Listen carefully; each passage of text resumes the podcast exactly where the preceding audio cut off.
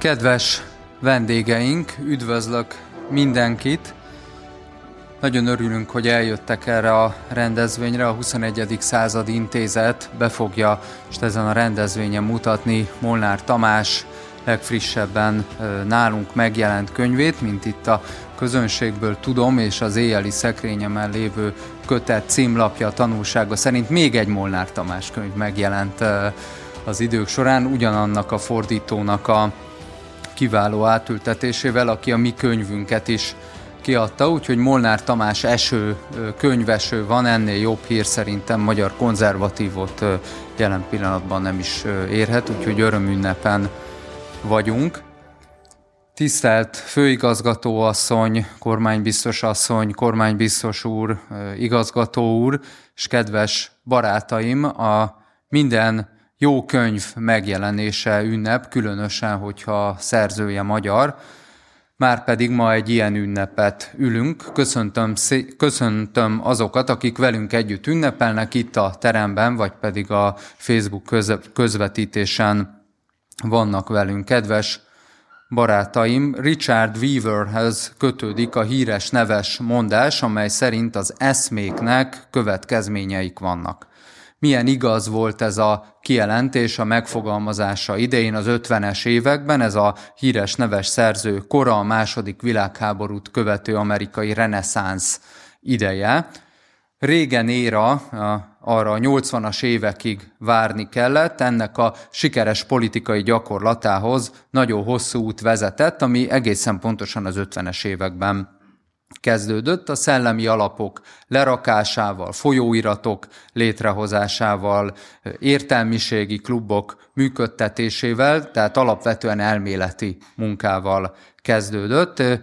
Engedjék meg nekem ezt a kis blasfémiát, hogy ahogy Marx nélkül nincsen Lenin, úgy Russell Kirk nélkül sincsen Ronald Reagan, és ugyanez egyébként magyar vonatkozásban is elmondható, megfogalmazható Berzsenyi és Széchenyi relációjában, vagy Réz Mihály és Tisza István személyiségpárjaival.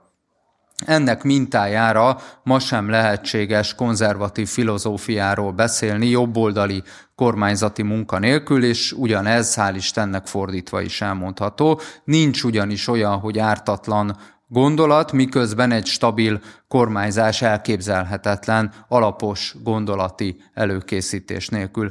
Szerencsére Magyarországon sem eredeti konzervatív gondolatban, sem felelős jobboldali kormányzati cselekvésben nincsen hiány, sőt egyre inkább arról van szó, erről a következő napok is meggyőzhetnek minket, hogy hozzánk járnak kölcsönözni. Szerintem ennek nem csak az az oka, hogy az elméleti bátorság mifelénk szövetséget kötött a felelős gyakorlattal, hanem az is, hogy jó ideje kölcsönösen összehangoltuk a szellemi menetrendet, a politikai napirendek, napirendel, és ennek nagyon is sok köze van a jó könyvekhez. És ha már a jó könyveknél tartunk, akkor sorrendben a negyedik kétharmados parlamenti felhatalmazással végződő országgyűlési választás után idézzük fel, hogy nem kevesebb, mint 20 évvel ezelőtt Lánci András mit is írt 2002-es választási vereség után a konzervatív kiáltványban. Azt egészen pontosan, őt idézem, hogy a jobb oldal, amely szerencsére mind világnézetileg, mind képzelő erejét tekintve sokszínű, nyíltán vállalja és kifejezze elkötelezettségét a konzervativizmus valamilyen válfaja mellett. Ez a kívánalom természetesen sem húsz évvel ezelőtt, sem napjainkban nem az egyszeri Burke olvasó katedra konzervativizmusa, és nem is valamiféle örökké reagáló, passzív-agresszív attitűd. Ugyanakkor azt, hogy ma mi a konzervatív maximum, azt nem is kell feltalálnunk, kitalálnunk, a recept ugyanis a kezünk ügyében van, főleg ha jó konzervatív módjára a hazai gondolati hagyományban keressük azt. Tőkécki Lászlót egykori tanáromat, alapítványunk kuratóriumi tagját fogom idézni a módszertannal kapcsolatban, negyed százada már megfogalmazta a lényeget, őt idézem. Konzervatív magyar múlt gazdag örökséget kínál a mai magyar politikai megújuláshoz. Nem szükséges tehát a kétségbe esett szellemi import tevékenység. Tanulni persze mindenkitől lehet és kell, de egyetlen mai nyugati modell sem a mi feltételeink között született, míg egykori elődeink nagy részben a mi gondjainkkal is küzdöttek, eddig az idézet. Kedves barátaim, tehát az új idők, új dalai, valamint Adi egykor megfogalmazta, ma nem kívülről, pláne nem dévény felől kell betörni, hanem pont fordítva működik belülről kifelé. Kívülről irányított progresszív megoldások függőséget, örökös lemaradást okoznak egyébként is, a belülről vezérelt teszmék viszont önbizalmat adnak, és, mint ahogy mondtam, követő, követésre méltó példát is másoknak. Bizonyság erre az a széleskörű külföldi érdeklődés, amely Magyarországot kormányának hatékony cselekvését és az amögött álló gondolatok érvényességét övezi. Amint a magyar kormány politikai akciórádiusza jóval szélesebb, mint amekkorát az ország mérete és lakóinak száma sugallana, úgy a hazai konzervatív gondolkodás nemzetközi impact faktora is jócskán nagyobb. 20. század intézet tavaly új idők címmel éppen azért indított könyvsorozatot, hogy a magyar jobboldal hosszú távú gondolati megalapozásának missziójában aktívan részt vegyen. A kötetek utolsó lapjain olvasható egy feladatvállalás, egy misszió, hivatás, ezt felszeretném olvasni. A 21. század nem a 20. folytatása az új századhoz új gondolkodás, más hozzáállás és a megelőzőtől eltérő szellemiség szükséges, amit, ha nem lenne alátámasztás sem igénylő evidencia, már eddig eltelt első két évtizede is bőségesen bizonyított. Átalakulóban van ugyanis a világ rendje. Nemzetközi erőviszonyoktól kezdve az európai kontinens két felek közötti egyensúlyon át a belpolitikai törésvonalakig minden átrendeződik. Az új helyzetben a régi megoldások használhatatlanok, akár csak azok a korábbi receptek, amiket más idők más problémáira írtak föl, ráadásul gyakran nem is idehaza. A 21. század intézet könyvsorozata az új idők hazai szerzők gondolatainak közrebocsátásával kíván hozzájárulni a magyar politikai gondolkodás megújításához. És ezek után nézzük meg, hogy mit adtunk ki. Eddig első kötetünk az itt ülő Géfodor Gábor az Orbán Szabály című könyve volt, amely alcíme szerint egyenesen az Orbán korszak első tíz évének politikai stratégiáját mutatja be. Könyv olyan népszerű volt, hogy fél év alatt összesen négyszer kellett kinyomtatnunk, annyi fogyott belőle. Ezt követte az intézet munkatársa, munkatársainak egyévi munkájával elkészült a Nagy Terv című összeállításunk. Ez a soros birodalom közép- és kelet-európai mahinációival foglalkozott, mintegy 400 oldalon dolgozva fel a spekuláns összesen 18 országban végzett áldatlan tevékenységét. Először tehát Orbán szabálykönyv, utána Soros Fehér könyv, és mint tudjuk, két ponton keresztül már lehet egyenest húzni, így ez a témaválasztás önmagában jelzi, hogy nem puszta antikvárius érdeklődés határozza meg a címlistánkat, hanem az aktuális történeti, politikai kihívásoknak minimum középtávú megválaszolását lehet, szeretnénk elősegíteni. Pontosan ez az attitűd vezetett minket akkor, amikor a sorozat harmadik kötetét kerestük. Ez Molnár Tamás először francia nyelven 1990-ben megjelent Európa zárójelben című könyve, erre esett a választásunk, és mellékeltünk hozzá öt darab, szintén ekkor tájt, részben angolul írott hasonló témájú eszét. Azt az elején is tudtuk, hogy egy nagyszerű könyvről van szó, nagyszerű fordítás fog hozzá készülni, de amikor megjelent, tavaly ősszel kezdtük egyébként a, a munkát, ekkor még nem gondoltuk, hogy elnézést a kifejezésért, de ennyire átkozottól aktuális lesz. A cím még egyszer Európa zárójelbe. Erre erősít rá a könyvborító is, ezen egy amerikai katona látható egy európai, tipikus európai madon, katolikus madonna szobor előtt, vélhetően 1943 körül Dél-Olaszországban készült Szicíliában a fotó, ami a második világháború óta megváltozott, az az, hogy Európa, Amerika az európai háborúit manapság másokon keresztül vívja, és a nagy vesztes Európa lesz. Mielőtt magára a könyvre rátérünk, először azt javaslom, hogy adózzunk a szerzője emlékének, és jegyezzük meg, hogy Molnár Tamással kapcsolatban olyas valakiről van szó, aki baráti viszonyt ápolta már emlegetett Russell Kirkkel, Eric Föglinnel, közös könyvet írt a Benoával, és már eredendően erősen frankofon műveltségű volt, de nagyon népszerű, nagy népszerűségre tetszett az amerikai Egyesült Államok konzervatívjai között. Ugyanakkor, mivel a kontinentális francia és nem a tengeren túli angol száz hagyományhoz állt közel, ezért az ő tolmácsolásába a hazai konzervatív közösség elfogultság nélkül ismerhette meg, hogy mit is gondol a nyugati jobboldal.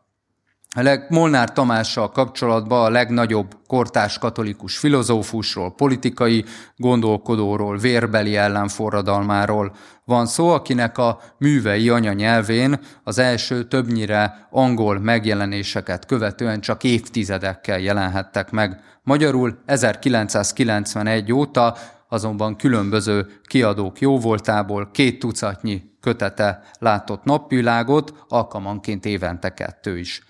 Ezek mindegyike eseményszámba ment, számos kötet közülük a hazai konzervatív reneszánsz alapművelet, mint például a liberális hegemónia, az értelmiség alkonya, vagy az ellenforradalom, mi pedig, ahogy jeleztem, most mutatjuk be a 25. magyarul is megjelent Molnár Tamás könyvet. És hát akkor kicsit beszéljünk a könyvről is. A hidegháború végén berlini fal ledöntése közepette, közép- és kelet-európai rendszerváltoztatások megindulása után, de még a, a Maastrichti szerződés aláírása előtt keletkezett ez a kötet, amelyben Molnár Tamás olyan aggályokat fogalmaz meg, amelyek manapság aktuálisabbak, mint amikor papírra vetette őket. Azt olvassuk például, hogy 1989-ben idézem, kelet-európaiak kitűnő bizonyítékát adták identitásukhoz való ragaszkodásuknak, viszont fel kell tennünk a kérdést, folytatódik az idézet, mi fog történni holnap, azaz ma, amikor a kérlelhetetlenül intoleráns szuper-európa szembe találja magát egy tagnemzettel, amely újra rátalál saját modelljére. Amikor ezt olvassuk, akkor nem lehet nem napjaink Európai Uniós vitáinak gyökérokára gondolni. De Molnár professzor profétának bizonyult annak megállapításában is, hogy a kontinens érték, értékhasadása akkor lesz igazán nyilvánvaló, ha felmerül a következő idézem, miért kellene Magyarországnak, Lengyelországnak vagy Romániának érintetnek éreznie magát, amikor egyes nyugati országokat afrikai tömegek árasztanak el. Még egyszer, ezek a sorok 1990-ben láttak először napvilágot. Az Európa zárójelben című kézirat utolsó mondata, mintha napjaink uniós eljárásainak idején válna valóra, amikor, ismét őt idézem, a, sok, a sokat dicsért európai egység nem csak egy különleges mechanizmust indít útjára, hanem ideológiát is, amely összeegyeztethetetlen Európa történelmi géniuszával. Idézet bezárva, Szuper Európa, különleges mechanizmus, német hegemónia, amerikai befolyás, mindez 2022-ben magától értetődő, de amikor 1990-ben ezek a mondatok, szavak leírattak, akkor ez csak egy proféta tudta szövegé formálni. Könyvsorozatunk legfrissebb tagjának utolsó szövege 1992-ben keletkezett, címe kisé provokatív, így hangzik, ne indulj nyugatnak, fiam! Érdemesnek látszott mégis betenni a kötetbe, mert hogy a szöveg arról szól, hogy a nyugati társadalmak gazdagabbak nálunk, de szellemtelenebbek is. Erről pedig, ha már megidéztem, akkor Adinak egy másik, a, egyébként a könyvsorozat mottójául is választott vers részlete jut eszembe, ez így szól, szép szemben állni ezernyi pokolnak, s kis itthonunkban harcolni ki rendet. Kedves barátaink, ez a misszió. Én köszönöm szépen a figyelmet, és felkérem Halkó Petrát, a Századvég Közéleti Tudásközpont alapítvány vezetőelemzőit, hogy vendégeivel, akik megtiszteltek minket, együtt foglalja el a kerekasztal beszélgetés helyszínét, és mutassa be őket nekünk. Köszönöm szépen a figyelmet!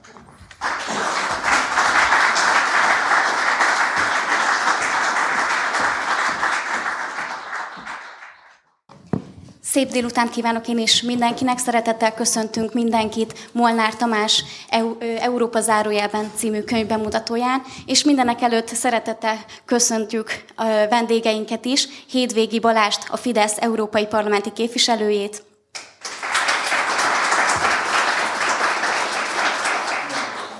Molnár Attila Károlyt, a Molnár Tamás Kutatóintézet, illetve a Századvég kiadó vezetőjét,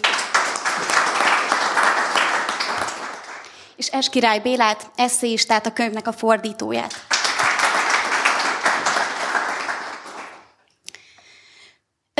Azzal kezdeném, hogy Molnár Tamás 1990-ben mely mondatával indította gondolatait a könyv elején, így, így írt. Merjük kimondani, a második világháború utáni 45 év csak most nyeri el igazi jelentőségét.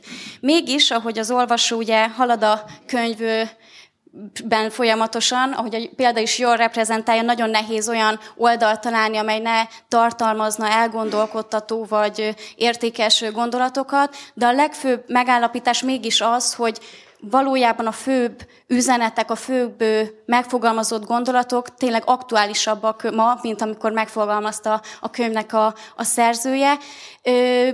Ma egy olyan könyvbemutatót szeretnénk tartani, ahol kontextusba is helyezzük ennek a könyvnek a mondani valóját a jelenlegi ö, körülmények tekintetében és vonatkozásában, ö, de szeretném először is ö, Eskirály Bélát megkérni arra, hogy egy rövid áttekintést ö, adjon a könyvről, hogy mik is ezek a legfőbb mondandóik. Köszönöm a szót. De köszöntök szeretettel mindenkit. Nem is gondoltam, hogy ilyen sokan leszünk ezen a napon. Röviden a könyvről, de mielőtt a könyvről beszélnénk, néhány szót mondanék Molnár Tamás francia oldaláról, ugyanis Molnár Tamást angol nyelvű munkáit, amelyekben dogmatikailag, filozófiai szempontból azok elég elmélyültek, azok már ismertek voltak.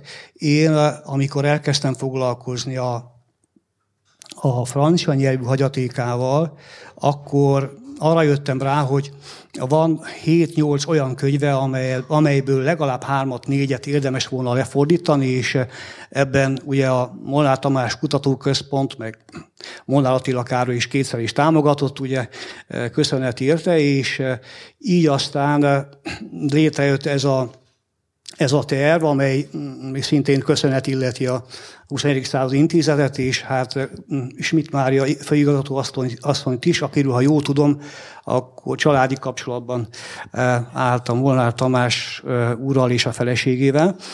Tehát mindenféleképpen kellett ez a, ez a támogatás. A, az Európa zárójelben nagyon röviden, ha megengedik, akkor inkább felolvasnék eh, itt már Békés Márton említette, hogy megjelent egy másik könyv, ez teljesen véletlen, ez a Molnár Tamás Amerikanológia című könyve, ez a, a magyar az MMA, tehát adta ki, és egy hét múlva lesz a bemutatója. A két könyv kiegészíti egymást. Ugye az Európa zárójelben 1990-ben jelent meg a Párizsi Tablerond jobboldali kiadónál, és a 91-ben Lozánban jelent meg az amerikanológia, amely tulajdonképpen egy kiáltvány, és úgy is fel lehet fogni ezt a két könyvet, mint egy kiáltványt Franciaországhoz, de Molnár Franciaországon Európát értett, tehát ő nagyjából 68-tól, 60-as évektől minden évben Párizsba járt, és ott érezte jobban magát, rengeteg folyiratban publikált, és engem meglepett, igyekszek gyors lenni, engem meglepett, hogy mennyi követője van. Franciaországban több követővel is találkoztam. Luc például, mindig felejtem el a nevét, ugye Luc az Amerikában megjelent francia nyelvű könyvében Leo Strausshoz hasonlítja, hát ugye Molnár Attila majd meg ezt ez nem az én tisztem, hogy az ilyen megalapításoknak az igazságértékét hát kutassam. Azt csak annyit akarok mondani, hogy óriási népszerűsége van. Hát például a, a madridi Verbó folyiratnak a főszerkesztője is, a tanítványa, egy sor tanítványa van nyugaton, akik közül, hát egy angol úrral is beszéltem, aki szívesen tanítani egy-két évet, most erre nem térek ki. A lényeg a lényeg, és akkor itt a kérdésre visszatérve, hogy az Európa zárójelben című könyvet röviden összefoglaltam, néhány gondolatot engedtessék meg, és akkor át is adom a, a, a szót. Igen, hát Molnár ugye mindig is európainak vallotta magát, és őt Amerikában is az öreg kontinens problémái foglalkoztatták. Jól emlékszem, valamelyik cikkében írta, hogy hogy a, a kelet-európaiaknak az a problémája, hogy a marxizmus tehát ordas eszméi alatt szenvedtek, de a nyugat-európák legalább 6-7 ilyen eszme alatt, tehát ezért nekik nehezebb az ügyük. És hát ezt a könyvét, ahogy Békés Mátor is elmondta, a Szovjetunió végeegyengülésének napjaiban a, az úgynevezett washingtoni konszenzus idejében fogalmazta meg, és amellett érvel, hogy, hogy Európának küldetése lenne, és ha nem képes rá, akkor legalább Kelet-Európának, ugye. Ezt a könyvet Christopher Lásnak a könyvével lehetne összehasonlítani, és hát azt mondja, hát az ő problémája nem az, hogy nem őt, Molnárt nem a Washington nagyhatalmi mi volt aggasztotta, hanem az American Way of Life, tehát, hogy az a talajmenti anyagiasság, a kérdéstiltó ideológia, amit, amit érzünk, e, e, még ebben az amerikai-orosz háborúban is, ugye, e, vagy a fogyasztói messianizmus, és hát Európával az a gond, írta Molnár, hogy egyre kevésbé határozza meg sorsát a saját filozófiája. Aztán talán még annyit érdemes itt elmondani, hogy, hogy a könyvvel kapcsolatban, hogy összehasonlítja az Egyesült Államokat ugye Európával, és ezt a gondolatot viszi tovább az Amerikanológia című kiáltványában, de hát most egyelőre visszadnám a szót, és aztán majd erről beszélünk.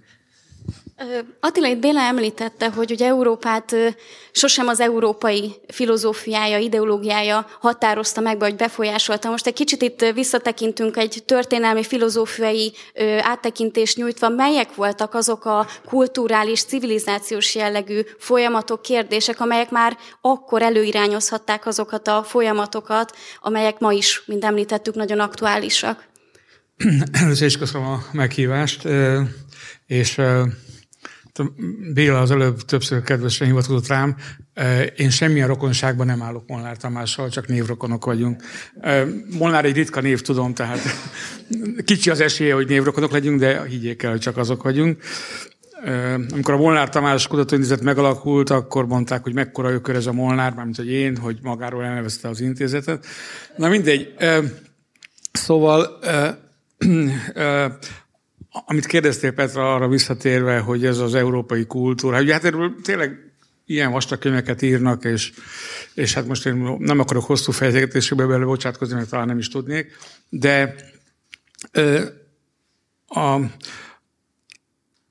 van egy érdekes mozzanata, és ebben a, a Bélára hivatkoznék, hogy egyrészt senki ne jegyen meg, tehát ez egy ilyen franciás stílusban megírt, tehát egy ilyen könnyű eszé stílusban megértem, egy ilyen komoly, száraz egyetemi értekezés, egy ilyen könnyed eszé stílusban van megírt szöveg. De van egy, van egy fontos, tényleg hasonlóság Leo Strauss-szal, aki ugye még 32-ben ment el Németországból, Ugye Molnár Tamás az 45 után ment át Amerikába. Ugye mindenkettő a, így vagy úgy a nácizmus elől, ugye Molnár Tamást a Gestapo le is tartóztatta, a táborba volt, és utána ment el Amerikába. Tehát Mindenkettő végül is elmenekült ebből az európai világból, és Amerikában találtak otthont. Ennek ellenére mind a ketten, mind Leo Strauss, mind Molnár Tamás Amerikának hát egész életében végig egy folyamatos kritikusa volt, és, és főleg a, amikor Amerikát mondok, akkor nem csak Amerikára, mint, mint, mint, földrajz, mint, mint földrajzi egységre, vagy, vagy politikai egységre kell gondolni, hanem általában a liberalizmusnak, ami hát az amerikai politikai kultúrának azért a, nagyon sokáig, talán még mai napig is a gerincét alkotta. Tehát a liberalizmusnak voltak a, a kritikusai. És a, a, a tehát volt egy ilyen kettőség mind a kettőben, Leostózban és Monár Tamásban is, hogy az az otthon, ahol végülis új hazára leltek, az, ami befogadta őket, a, ahol nem tudtak igazán azonosulni sokokból. A Molnár Tamás valószínűleg azért nem, nagyon, azért nem tudott, és ő megmaradt tényleg végig kritikusa ennek a, az amerikai politikai gondolkodásnak, kulturális életnek, mert ő túlságosan is európai volt, túlság, és ő elsősorban francia. Tehát amikor ugye Európáról beszélünk, akkor is érdemes az angol szászokat szétválasztani a kontinentális szerzőktől, kontinentális gondolkodóktól. Ő nagyon francia volt, tehát ezt az amerikai politikára jellemző egalitarizmust például a, a, a tekintélynek az elvetését, azt például egyáltalán nem, nem fogadta el, ezért is Amerikában. Ugye hát Russell Körkel tényleg jó viszonyban volt, de aztán össze is vesztek egy adott ponton, tehát hogy nem tudott sok, sok ponton azonosulni az amerikai, amerikai politikai kultúrával, mondom, egyik legdöntőbb pont talán ez az egalitarizmus, amit érdemes kiemelni. Szerintem ez a könyv, amikor írodott meg az amerikanológia is, tehát ez a 99 ez azért is érdekes, mert ezek e, impliciten, tehát hallgatólagosan ezek, ezek válaszok a Fukuyamának a ma már Ma már minden kicsit megmosolyogjuk, de emlékszem rá, hogy 90-ben mindenki ezt lobogtatta, hogy itt a történelem vége, és akkor eldőltek a nagy ideológiai viták, győzött a liberális demokrácia, meg a piacgazdaság, jóléti állammal kicsit azért felpújított piacgazdaság, ez győzött, itt már nincs, nem lesznek nagy viták, Szovjetunió is összecsuklott, mint a vizezokni, tehát nem kell aggódni, szépen megyünk tovább, és, és Amerika meg fákját viszi előttünk, és mutatja az utat. És ugye pont ez, mert az, a, a liberalizmussal szembeni kritikája miatt, ugye Leo Strauss meghalt sokkal korábban, tehát ő ezt nem élte meg ezt a, a, a rendszerváltást, de pont emiatt a, Amerikának az önbizalma miatt, vagy valószínűleg túl, az, talán túlzott önbizalma miatt, ugye, a, és ami, ami egyébként Amerika nagyon erősen, kulturálisan megszállta, nem csak politikai a gazdaság, de kulturálisan is megszállta Nyugat-Európát a háború után. Ez ez, ez is egy hát elég jól ismert, hogy hogyan szervezték újjá, és hogyan szervezték át a nyugati egyetemeket, és a médiát, és így tovább. De szóval pont emiatt, hogy, hogy a Nyugat-Európa is amerikanizálódott, és ez az amerikai politikai kultúra, hát Molnár Tamás számára nem volt igazán, hát a, nem, nem gondolta, hogy ez a történelem vége lenne, és ez lenne a minden vágyaink beteljesítője. Ezért a Molnár Tamás ugye azt hangsúlyozza ebben az írásában is, meg sok másban is, hogy ez nála elég rendszeresen visszatérő gondolat, hogy hát itt ez a Közép-Európa, ugye nyilván az, a, a sztálinizmus vagy a szocializmus mindenféle változatai, azok, hát azokat ismerjük, azokat nem szeretjük, de hát azért ne gondoljuk azt, hogy akkor, ha, ha nem vagyunk sztálinisták vagy, vagy, vagy kommunisták, akkor erre feltétlenül ezt az amerikai liberalizmust kell elfogadnunk és teljes messzességgel támogatunk, hanem itt, itt Közép-Európában van valami esély, talán megmaradtak még régi hagyományok, amit még se, amit sem a szovjeteknek, sem a, éppen frissen megérkező amerikai szakértők meg nem sikerült még kitörölni belőlünk, és tehát ő az, azért reménykedik ebbe a mondjuk úgy, hát egykori Varsói Szerződés tagállamai a Közép-Európában, Kelet-Európában, hogy itt még talán van az európaiságnak valamilyen ö, csírája, nyomai, amik, amik nem koptak ki, és csak, most már sokat beszéltem, még egy utolsó mondatot hadd mondjak, hogy az elmúlt mondjuk durván 5-6 évnek ez a hogy mondjam, nemzetközi kultúrkamfia, amit Európában zajlott, például mondjuk Lengyelország, Magyarország, és általában mondjuk a, a, a V4-ek és mondjuk a nyugat-európai értelmiség és politikai elit közötti kultúrkamp, az, az azt mutatja számomra, hogy, hogy itt valóban Molnár Tamás jól sejtette, hát nyilván nem tudhatta, hiszen akkor, még, akkor kezdett el visszatérni újra Magyarországra ugye a, a 99-ben, tehát azért nem, inkább csak benyomásai voltak, de jól sejtette, hogy itt, az itt, egy, itt egy más kultúra van, más értékek vannak, más a politikához való hozzáállás, gazdasághoz hozzáállás más, és itt tovább. Nem mondom, hogy mi teljesen mások vagyunk a nyugatiak, de ezt jól látta, hogy itt azért van egy eltérés, és pont az elmúlt öt, durván öt évben meg azt látjuk, hogy ez az, ezek az eltérések, ezek komoly ilyen hát nemzetközi kultúrkamfá szélesedtek a, legalábbis az Európai Unión belül. Tehát, hogy azt mondom, hogy ez a sejtése, hogy itt van,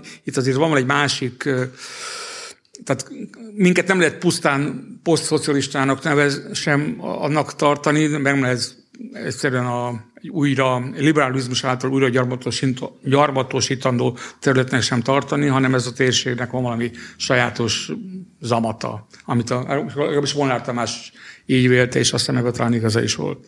Bocsánat, hogy sokat dumáltam. Maradva egy kicsit az ideológiák kérdésénél kérdezném képviselő urat, hogy hogy látja, és átívelve már napjainkban, hogy a gyakorlatban az európai szintéren hogyan jelentkezik ez az ideológiák harca, hogy így nevezzük? Mert Molnár Tamás a könyvében úgy fogalmaz, hogy az egység, az európai egység az egy ideológia pótlék, mert Európa nem találja azt a fajta ideológiát vagy kifejezésmódot, amely az identitását érvényre tudná juttatni az egységet most ugye nem a pozitív értelmében, hanem sokkal inkább ugye napjainkban ez a központosított föderációs Európa képébe tudjuk beilleszteni. Mit tapasztalunk, hogy tényleg ez állhat így az egyetlen útként Európa előtt, vagy, vagy vannak azért alternatívák, és ebben esetlegesen tényleg Kelet-Közép-Európa egy, egy speciális helyet tud betölteni? Köszönöm szépen. Hadd kezdjem azzal, hogy fantasztikus élmény ez a könyv. Tehát én nagyon köszönöm az intézetnek is, Mártonnak, mindenkinek, hogy ezt megjelentettek a fordítónak. Ez egy óriási olvasmány. Azzal együtt, hogy valóban van egy könnyedsége, ahogy az imént erre utaltál, de közben meg olyan mély és olyan sűrű a mondani valója, hogy egészen lenyűgöző.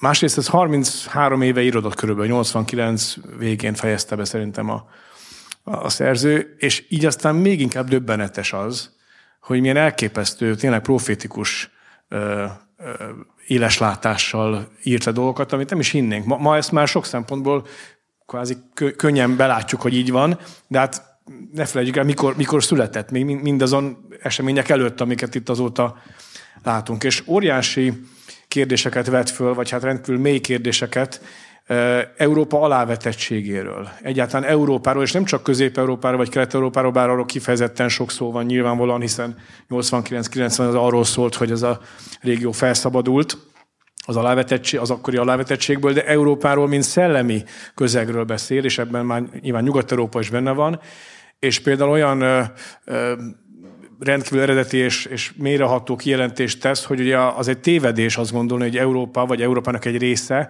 az győztesen került ki a második világháborúból.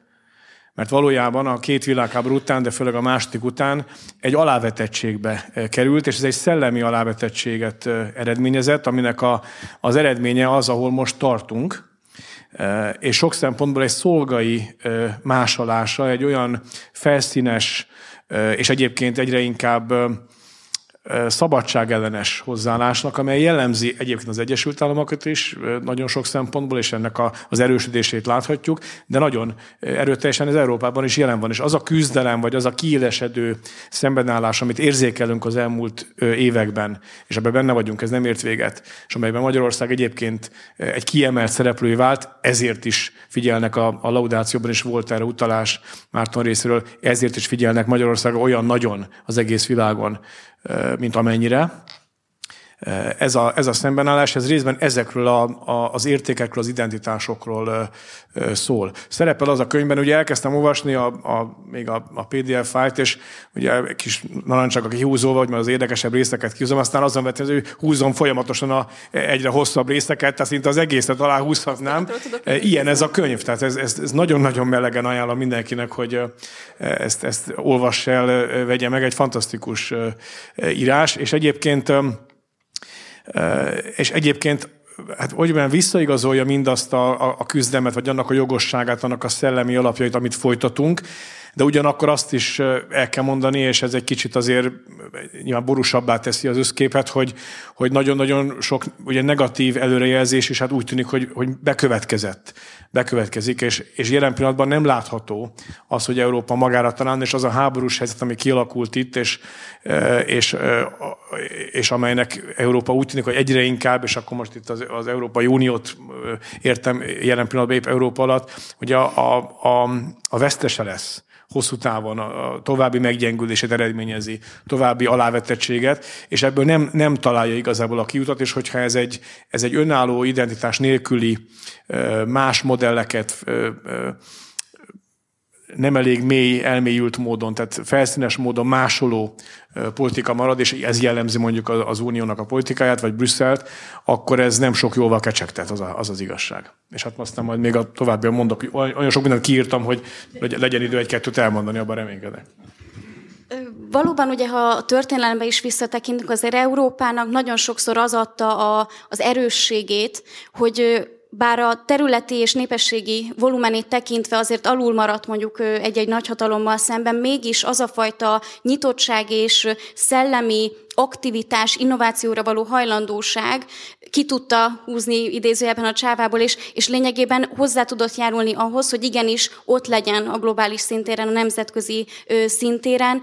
Most viszont pontosan a liberális ö, ö, hozzáállás ö, következtében, amely csak valójában szóban hirdeti a, azt a fajta nyitottságot, amely valójában ö, előrevívő ö, tudna lenni, ö, nem, nem, azt látjuk, hogy nem fenntartható életet vagy jövőt eredményez Európa számára. Ebben most Kelet-Közép-Európában, akik azért megtapasztaltak különféle behatásokat a, a, a történelmük során, lehet egy olyan szerepük, vagy, vagy tudnak felvállalni egy olyan szerepet, amely egész Európára adott esetben megoldásként tudhat szolgálni?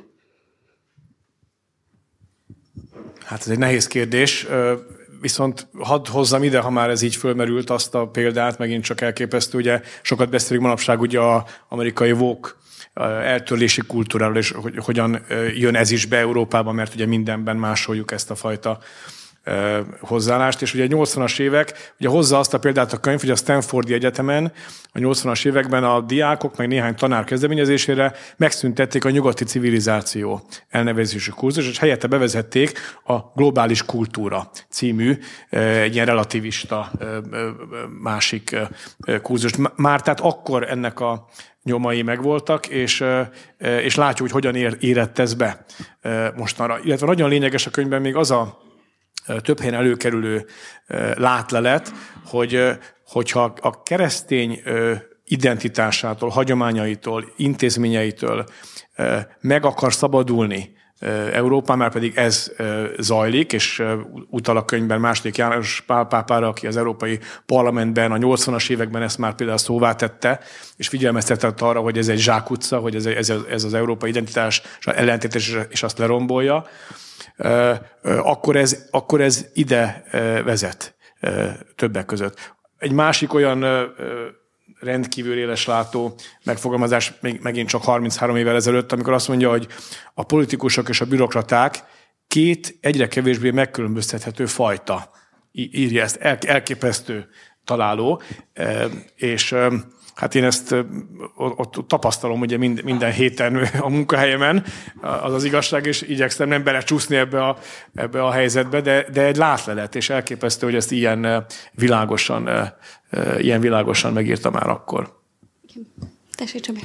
Csak ehhez kapcsolódva, igen, röviden, hogy a, tehát a kérdéshez kapcsolódva még néhány mondatot a könyvről, hogy a, az Európa zárójelben ennek a, ebben a könyvben azért és az American Legacy művében azért leszögez néhány fontos kijelentést, ezt így meg is fogalmaztam magamnak, hogy Molnár Tamás az amerikai tapasztalatait az amerikai tapasztalatokat egy puha ideológia modellálja, amely mozgékony és messianisztikus jellegű, ezt az amerikai modellt, amit ugye amerikai demokráciának nevezünk, egy olyan nép testesíti meg, amely számára a cél önmaga, És ez a modell gyorsan zajlik Európában és a világban, ráadásul oly mértékben, hogy nyugat lassan már csak az Egyesült Államokat jeleníti meg, jelenti, ugye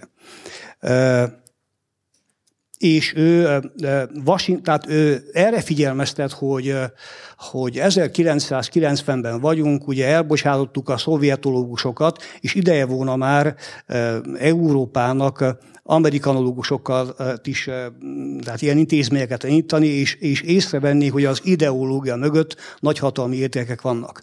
A könyv abból a szempontból is érdekes, és erre már Békés Márton utalt, hogy hogy eh, van egy ilyen oda-vissza játék, hogy ha olvassuk, akkor, akkor megnézzük, hogy 90-ben mit remélt még eh, Molnár Tamás, és valóban hát eh, vannak olyan megalapításai a, a, a német és az orosz viszonyról, ami nem teljesült be, de valóban rengeteg nagyon sok olyan meglátása van, ami, ami hát sajnos, vagy nem sajnos, mert vannak, amik teljesültek talán ezt szerettem volna mondani, a másik pedig, eh, ha végén még lesz idő, hogy milyen más eh, francia nyelvű könyvei vannak, és ezek majd mm, érdekesek lehetnek a továbbiakban.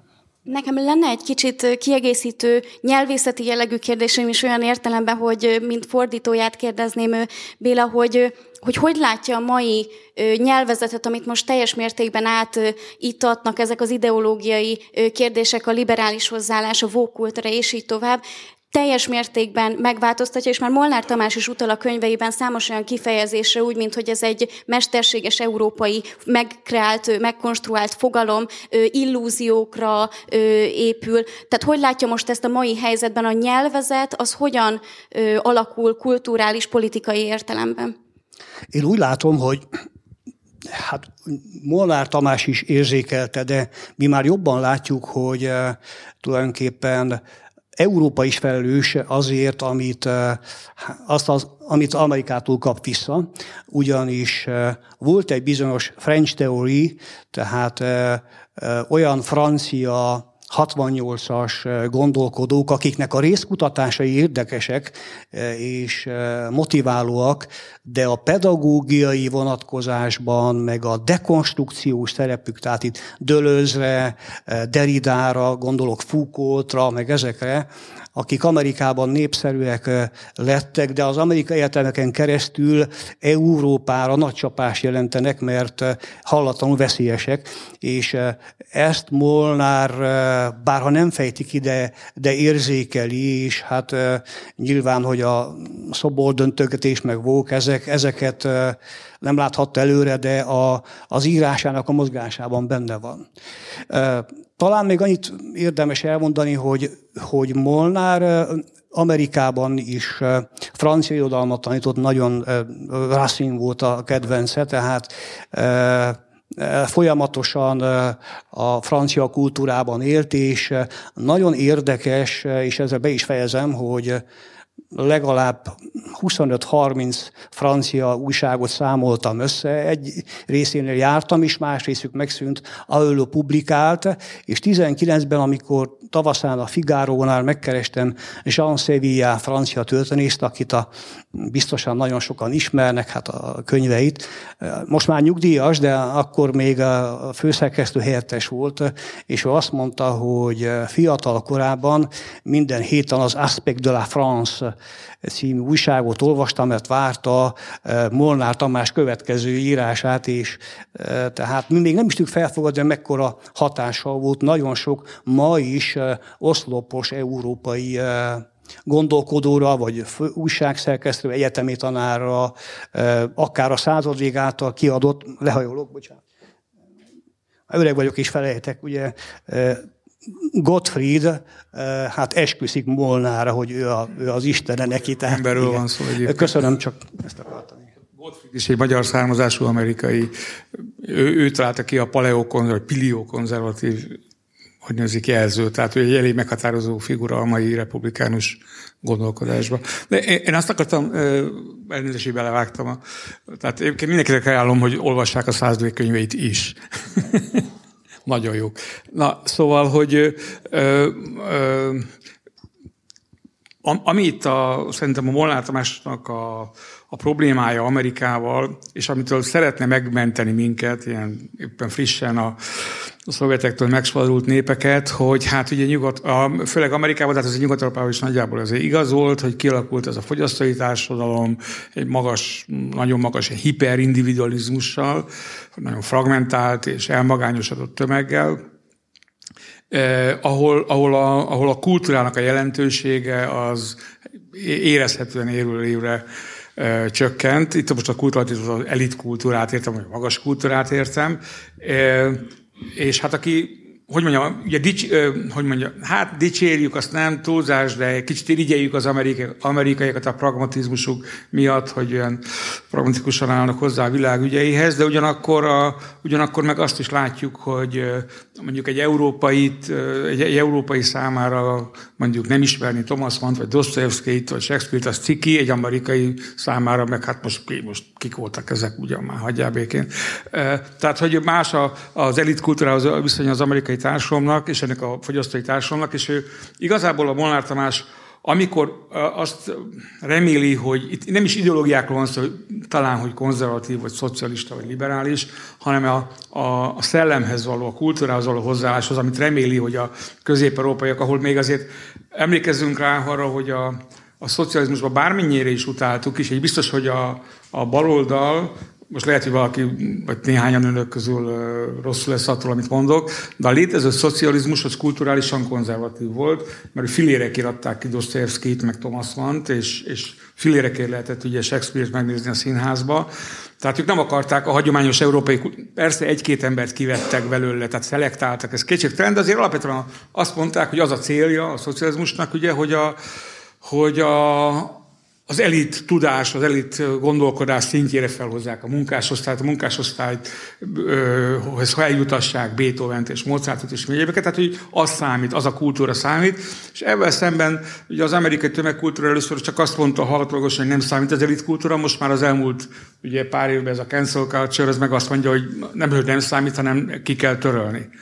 Tehát a, a, a Molnár Tamásban az a, az a benyomás, ami szerintem teljesen jogos, hogy hogy a, ez a közép-európai világ azért ez még a magas kultúrát fontosnak tartja, és valamennyire ragaszkodik hozzá, és ez talán visszakerülhet tőlünk nyugatra, de van itt azonban egy, egy, egy elég érdekes és fontos ambivalencia, ami szerintem a Molnár Tamás írásaiból is kijön, meg, meg hát mi is benne élünk ebbe az ambivalenciába szerintem a mai napig, hogy tudnilék, miközben magas, fontosnak tartjuk az oktatást, hogy olvassunk, hogy tanuljanak, a gyerekeink tanuljanak, olvassanak, fontosnak tartjuk a kultúrát, közben azt látjuk, hogy az oktatási intézmények pedig hát egy ilyen kultúrellenes ideológia markába vagy szorításába kerültek. Tehát miközben azt mondjuk, hogy gyerekeinknek, unokáinknak, hogy fontos az iskola, jár iskolába, fontos a tanár autoritása, közben meg hát azt látjuk, az iskolában olyan dolgokat tanítanak neki, amitől égnek áll a, a haja hátunkon, vagy a szőr a hátunkon, szóval tehát, hogy ez, ez, és ez benne van a, a Molnár Tamásban is ez, hogy fontos a kultúra, fontos a kulturális elit, de ami van e, e, úgymond kulturális elit Amerikába és Nyugat-Európába kialakulóba, azt azért nem szereti. Ugye az értelmiség alkony erről szól, nagyon nem szereti ezt, a, ezt az éppen regnáló értelmiségi elitet, miközben ő azt mondja, hogy de kell egy értelmiségi elit. De nem ezek. Kell egy kultúra, de ez, amit csinálnak, ez nem kultúra nem tudom, érthető ez az ambivalencia, ami ebbe, az, ebbe a szövegébe is folyamatosan visszatér. És, de hát, mert mégiscsak a, a, tehát, hogy egy kicsit a, a, a képe a, a modernitásról az, amit a, mondjuk a Huxley leír a szép új világba. Mindenki el van minden befőtt, ha valami problémája van, egy kis, bekap egy kis szómát, és, nincs, és, és Shakespeare-t meg senki nem is igényli, meg szükséges sincs rá, meg nem is érti Shakespeare-t, mert mi a fenének. Hát a szóma, ha mondom, segít a gondon. Azt hiszem, Molnár Tamás úgy fogalmaz, hogy közömbös és közönségesé teszik az európai kultúrát. Valójában ez pontosan Igen, kevés. és elsirányítják. Egyébként ehhez kapcsolódva, hát pont ezért, hát hogyha valami konklúziót akarunk levonni, mert valóban szóvá teszi azt, hogy elő, elsőként az egyetemeket foglalta el például ez az internacionalista, globalista elit, de hát pont ezért van szükség akkor jobboldali műhelyekre, ezért van szükség ilyen könyvekre, ezért kell építkezni, és ebben járunk szerintem mi azt hiszem, hogy jó úton, és egy nagy hozzájárulás ez a könyv ahhoz, hogy ez erősödjön.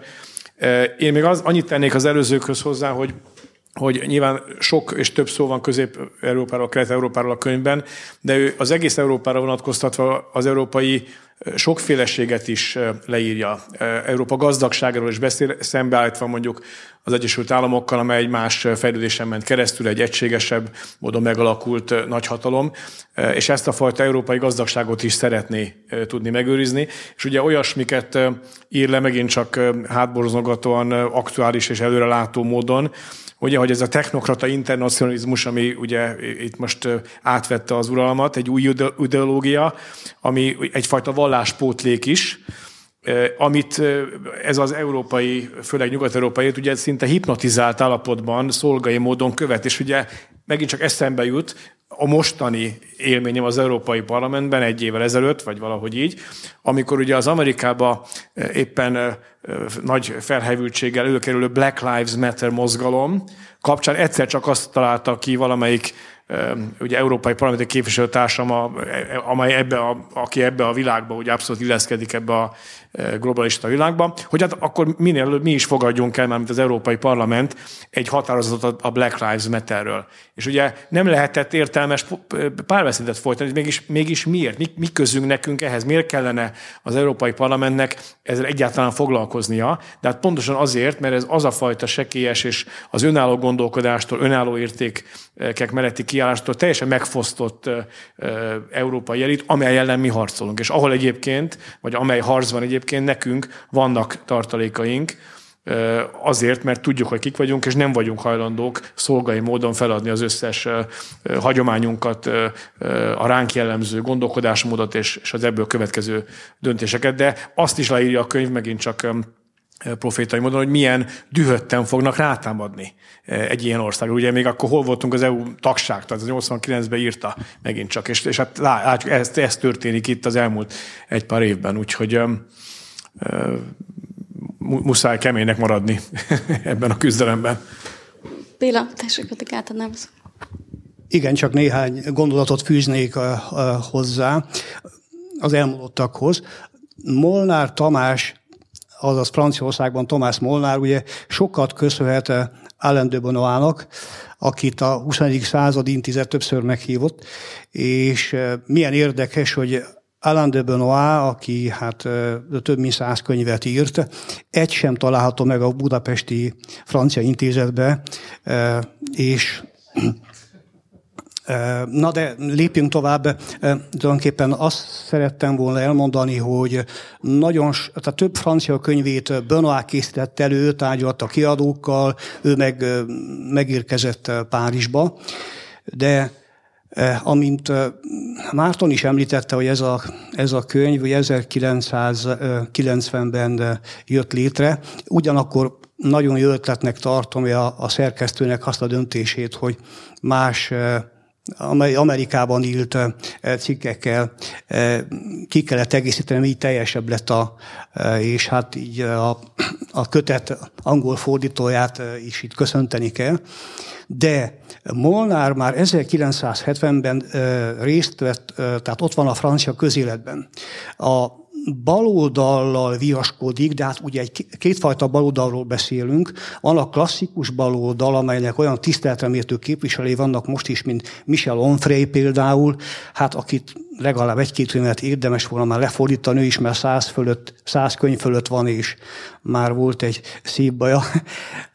Vagy Jacques Julliard például a 80 éves, ez egy klasszikus tiszteletemértő baloldali emberek. Molnára az új baloldallal küzd, és 1970-ben a szői kiadó kiadta a La Gauche Vue d'en face, tehát ez a, bocsánat, szemtől szembe a ballal.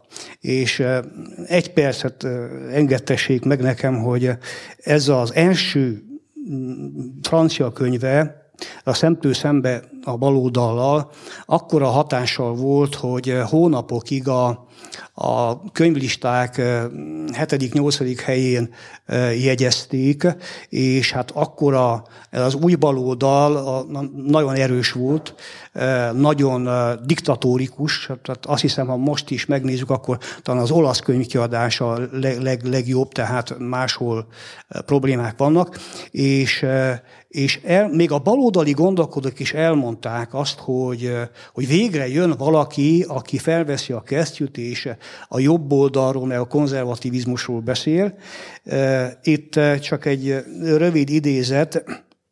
Jacques Julliard, a Nouvelle Observateur 1970. december 13-i számában így köszönti az ellenfélnek, ugye Molnárnak a könyvét, aki az könyvcíme Szemtől szembe a ballal, hogy idézem, ismét egy könyv a baloldal ellen, alig érdemelne figyelmet, ha, ha de, de nem a hárem belsejéből jön, hanem Amerikából.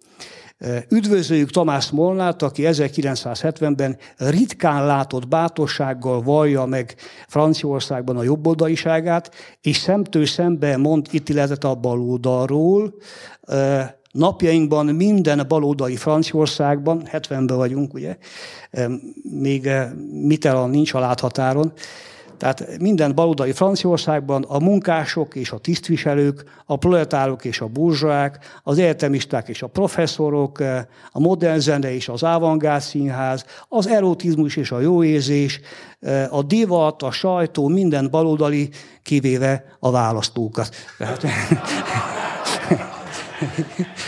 ezt írja egy baloldali, köszöntve ugye Molnárt, hogy végre valaki szembeszállt ezekkel.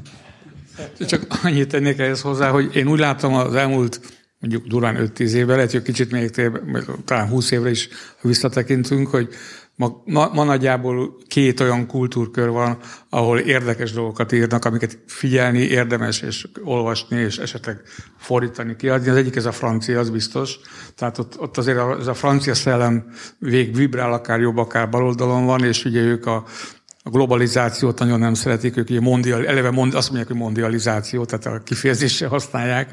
Tehát, hogy a franciákat érdemes mai napig is, úgy gondolom, olvasni és figyelni, illetve az Ameri- Egyesült Államok, tehát az amerikaiakat, ha az angol száz világra nézünk. Tehát, hogy, hogy érdekes, hogy a, hogy a Molnár Tamás ebbe a két kultúrába mozgott a franciába és az amerikai angolba, és ma is legalábbis az elmúlt mondjuk 10 évben, 20 évben a fontos könyvek ezekben a kultúrákban születtek. A, a, a, hát még van egy-két esetleg olasz baloldali, aki még megnevezhető, de, de alapvetően mondjuk a németek, a mai német gondolkodás, hát az nem annyira érdekes. Egyébként, ha már Németország, mert ugye sok szó van a könyvben Németországról, az egy nagyon jó kifejezése a, a könyvben Molnár Tamásnak, hogy az ad eternum vezeklő, vezeklő Németország, ugye az örökkévalóságig, ugye a háború miatt itt valódi szerepét be nem töltő Németország rendkívül találó, és ezt már akkor is így láttam. Én hadd mondjak egy rövid idézetet a könyvből.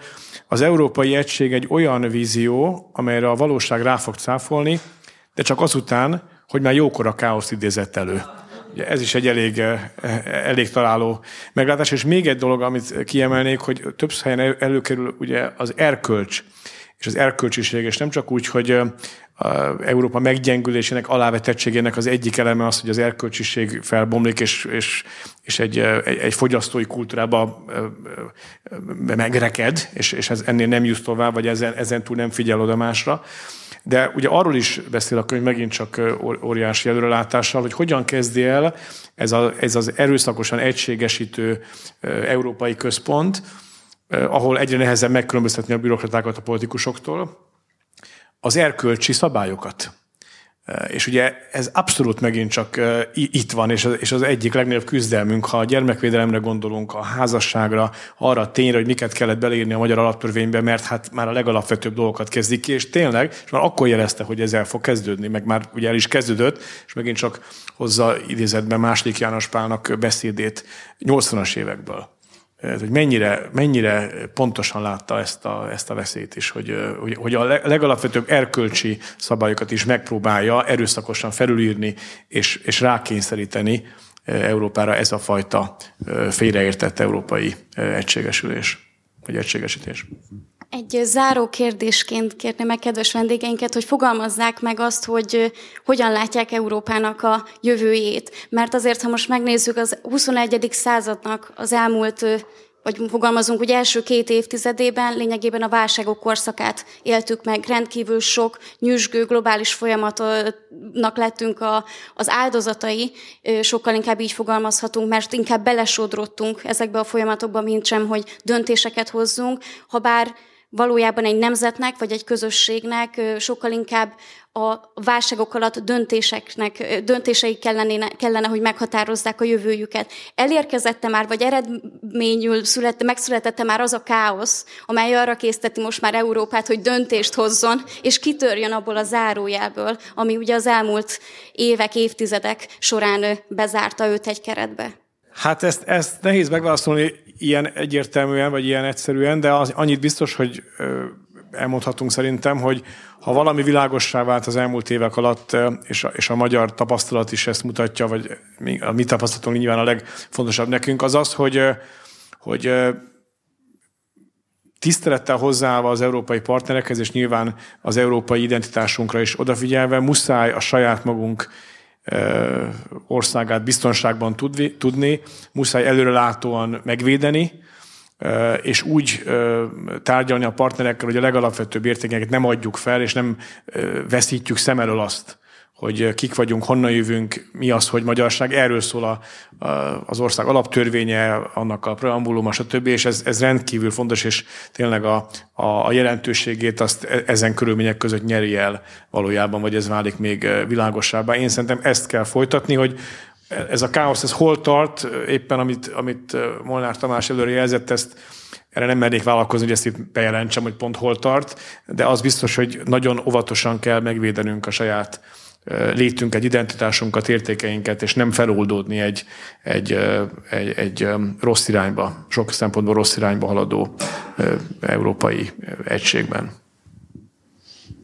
Hát szerintem a káosz az már elkezdődött a február 24-e táján, tehát amikor ugye az oroszok átlépték az ukrán határt, és azóta is tehát ez egy hosszú konfliktus lesz, hogy, hogy egy ortodox országból megpróbálnak egy nyugati demokrácia logikára felépített országot építeni, és, és szóval szerintem ez egy, ez, és látszik az egész szankciópolitika, amit a, az Európai Unió kialakítani próbál, hogy itt, itt vége a, már szerintem régóta legalább, legalább mondjuk nyíltan a migráns válság óta szerintem vége a nagy európai konszenzusnak, de én azt gondolom, hogy, hogy ez most egy kicsit nem egy Molnár Tamási gondolat lesz, amit most mondok, hogy, hogy ennek a kulturális, az európai kultúra és a, a, a problémája, az, a, vagy problémái, azok a, alapvetően felelőssé tehetők a demográfiai válságért, ami Európában. Egyes tagállamokban is hasonló a kultúra, de nagyon érdekes, hogy ott ez a demográfiai probléma, ami a Európát jellemzi, ott nem jelent meg. Tehát ez nem pusztán, nem mondom, hogy csak az amerikanizáció hatása, de az Európa, a nyugat-európai kultúra egy nagyon komoly demográfiai válságot okozott már ugye a 60-as, 70-es évektől, ami miatt mindenki tudja, hogy hát vendégmunkásokat kell importálni, és így tovább. És ettől kezdve ez az egész nyugat-európai demokrácia, jogegyenlőségen alapul, bizonyos valamennyire kulturális konszenzuson, és itt most nem akarom elmondani a multikulturális társadalomnak az összes kritikáját, amit a elmúlt években azért el lehetett mondani, meg lehetett olvasni. Tehát, hogy, hogy alapvetően itt a, a, a káosz az valahol ott kezdődik a, a demográfiánál, ami nem csak kulturális eredetű, de az is. Azt gondolom, hogy az is. Tehát ez a a gyerek és a családnak a leértékelése szemben a, a hiperindividualizmussal, amit az előbb említettem. Tehát én úgy gondolom, hogy amikor a fenntarthatóságról beszélnek, ugye az elmúlt évtizedek egyik ilyen kedvenc témája lett a fenntarthatóság, mindig arról volt szó, hogy milyen vastag a jégpáncél az Antarktiszon. Én tudom, legalább olyan fontos ennek a politikai modellnek a fenntarthatósága, amit nevezzünk liberális demokráciának, és úgy tűnik, hogy nem fenntartható. Lehet, hogy én vagyok túl pessimista, vagy nem tudom. Bármennyire is kellemes az az élet, sokkal kellemesebb, mint amit ugye 90 előtt meg volt szerencsém megtapasztalni az öregebbeknek, hát szerintem te még nem annyira tapasztaltad meg a 90 előtti világot, de szóval ez nyilván ezerszer jobb, mint amiben 95 éltünk, de, de hát sajnos úgy gondolom, hogy ez nem fenntartható, és, ez, és ennek a jelei mutat, tehát ez a demográfiai válság és abból következő kulturális, etnikai és vallási konfliktusok, azok, azok meg itt vannak már velünk egy jó pár éve. Nem áll mögöttem intézmény, nem a az igazat mondom, csak a magamét. Hát én el tudom képzelni, hogy a, az orosz elnök, ha tárgyalni akar nyugat-európai politikusokkal, akkor Párizsban is, Londonban is, és Berlinben is Amerika hangját hallja. És nagyon úgy néz ki, hogy Svédország és Finnország belépése a NATO-ba az külső nyomásra történt, és nem belső meggyőzés, de ez az ő dolguk. A Hát egyértelmű, azt hiszem mindjárt ezt fogalmazhatjuk meg, hogy egy-két nemzetállamnak ki kell tartani. És akkor hát, ha ez a többiek számára példamutató, ez nagyon nehéz dolog. Ami pedig Franciaországot illeti, hát hajrá Erik Zemmour, hajrá Reconquête, végre megjelent egy új téma, végre van egy 7%-os párt, és a párt elnöke pedig 1000 2012 óta, az első békemenet óta e, mindig is dicséri a magyar külpolitikát, úgyhogy ezeket az embereket meg kell találjuk, és akkor... Úgyhogy Erik Zemúrral fejezném be. Bocsánat. Nagyon szépen köszönöm a kedves vendégeinknek a rendkívül érdekes beszélgetés és értékes gondolatokat és megállapításokat.